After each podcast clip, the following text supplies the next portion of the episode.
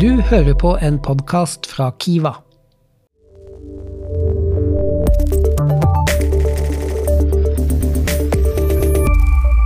Velkommen til Sektalk, podkasten der vi snakker om informasjonssikkerhet. Jeg heter Stein Arne, og med meg i studio har jeg Lars Henrik Gundersen og Karoline Tømte. Lars Henrik, du er fremdeles administrerende direktør i NorSIS. Ja. Velkommen til Karoline Tømte, som er leder for partnerskap og myndighetskontakt i NorSIS, og prosjektleder for Nasjonal sikkerhetsmåned. Takk. Hyggelig å være med. I dag er temaet eh, å være sin egen sikkerhetssjef på hjemmekontoret. Eh, for mange så har jo jobbhverdagen den siste tiden vært annerledes. Vi har jobbet mer hjemmefra, og skillet mellom jobb og privat er blitt mindre tydelig. Vi har Teams-møter ved kjøkkenbordet, og vi logger oss på jobb både her og der.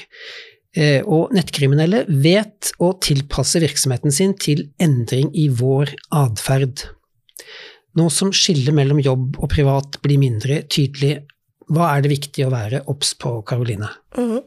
Jeg tenker jo Som en start så er det jo viktig å ha med seg den gode sikkerhetskulturen hjem. Eh, Både som virksomhet og ansatt. Eh, Og det betyr jo at man må huske på alle de rutinene og normene og verdiene som virksomheten opererer med når man er på det fysiske kontoret. Eh, Og at ledelsen også må legge til rette for at de ansatte kan, kan følge opp det når de er hjemme. Men det er jo ikke alle som har opplevd det, så vi gjorde en undersøkelse i mars sammen med Næringslivets sikkerhetsråd.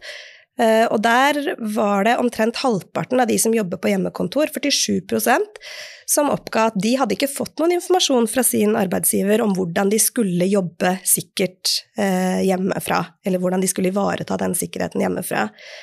Eh, Og det er jo ganske mange. Og så er det en annen undersøkelse vi gjorde i juni, som også avslørte at hele 20% har blitt mer bekymra for sin egen sikkerhet på nett i løpet av de siste tolv månedene.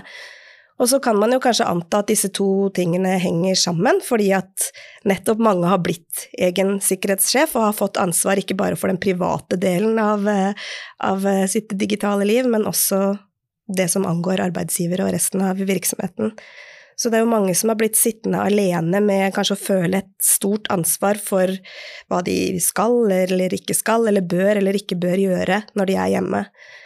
Um, og så er det jo én ting at vi har jo sett den, eh, som du var inne på, eh, de kriminelle og svindlerne har også klart å tilpasse seg situasjonen, så det har kommet um, målretta og, og gode, um, hva skal vi si, um, kontekstaktuelle eh, angrep. Og så er det jo også det med at man kanskje ikke har eh, kollegaene i fysisk nærhet. Det er vanskeligere å gjøre en avsjekk med liksom, kan du se på denne henvendelsen jeg har fått, er det, er det noe som skurrer med den eller ikke? Og så blir man sittende hjemme og skal gjøre de vurderingene selv da, i mye større grad. Så, så det er jo den situasjonen mange har funnet seg i. Ja, og jeg tenker at når vi, når vi har jobben hjemme, så er det jo også andre som eh, holder til i samme omgivelser, og, og eh, skal vi ha et møte på jobb, så er det ikke alltid man sitter helt alene, det er andre familiemedlemmer kanskje som, som er til stede, og, og, og det blir eh, kanskje vanskelig å, å, å holde sikkerheten helt oppe. Men, men eh, hva, hva, gjør vi, holdt jeg på å si? Hva, hva, hva, er vi, hva, er det vi, skal tenke på? For det er jo ikke bare det, det som skjer inne på, på, laptopen, det er også de fysiske omgivelsene. Mm. Det ene er jo som, som, møtedeltaker, hvis man sitter og har møte med noen som man kan se på skjermen, men ikke er helt sikre på hvem andre som er med på det møtet, som er utenfor videobildet, som jo kan være en usikkerhet både i hva man snakker om og hvordan man snakker om ulike ting. Uh, og så er det jo også for egen del, altså det er jo flere, mange av oss har jo opplevd at flere virksomheter har delt kontorlandskap det siste året, sånn at det er jo mye informasjon som flyter. Uh, kanskje kan man til og med være konkurrenter, altså jobbe i samme bransje innenfor konkurrerende selskaper. Uh, så hvordan man da som ansatt behandler den informasjonen både i møter når man sitter og prater, men hvordan man går fra maskinen sin, f.eks., altså hvis skjermen er åpen eller hvor man lar notatene ligge og flyte. Og så får dette også en innvirkning på den tilliten mellom de som bor sammen da, og, deler dette hjemmekontoret. Altså hvordan man forholder seg til hverandre på en, på en helt annen måte. At det også kan skape ja, utrygghet eller litt sånn mistenksomhet, som kanskje ikke er ideelt.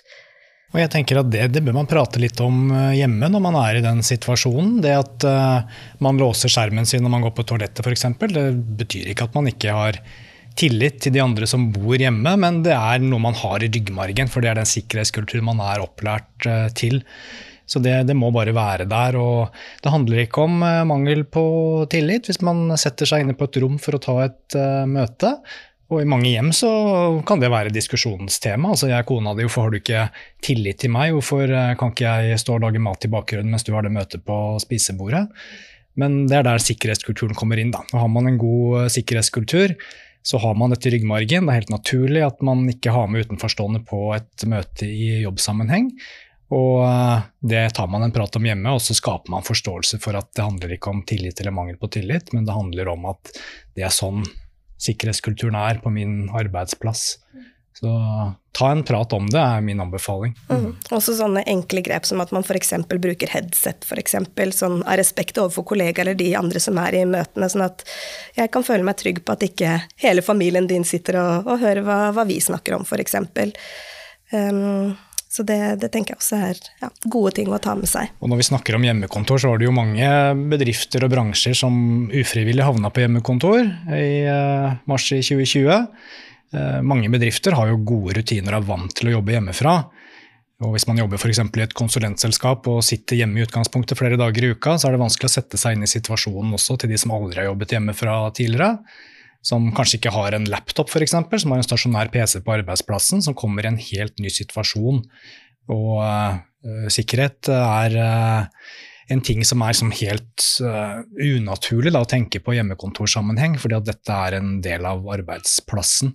Og når man da sant, jobber i et stort selskap er vant til å gå inn kanskje noen sluser på morgenen, ikke sant? sånn personellsluser for å komme inn på jobben, og så plutselig så sitter du på stuebordet hjemme og gjør akkurat det samme så er det noen som reflekterer litt eh, rundt det, og hva er egentlig forskjellen? og Er jeg kanskje trygg her jeg sitter? Kan jeg bli utsatt for noe her sånn som jeg ikke trengte å forholde meg til på arbeidsplassen? Så her er det mange aspekter som kommer inn. Mm.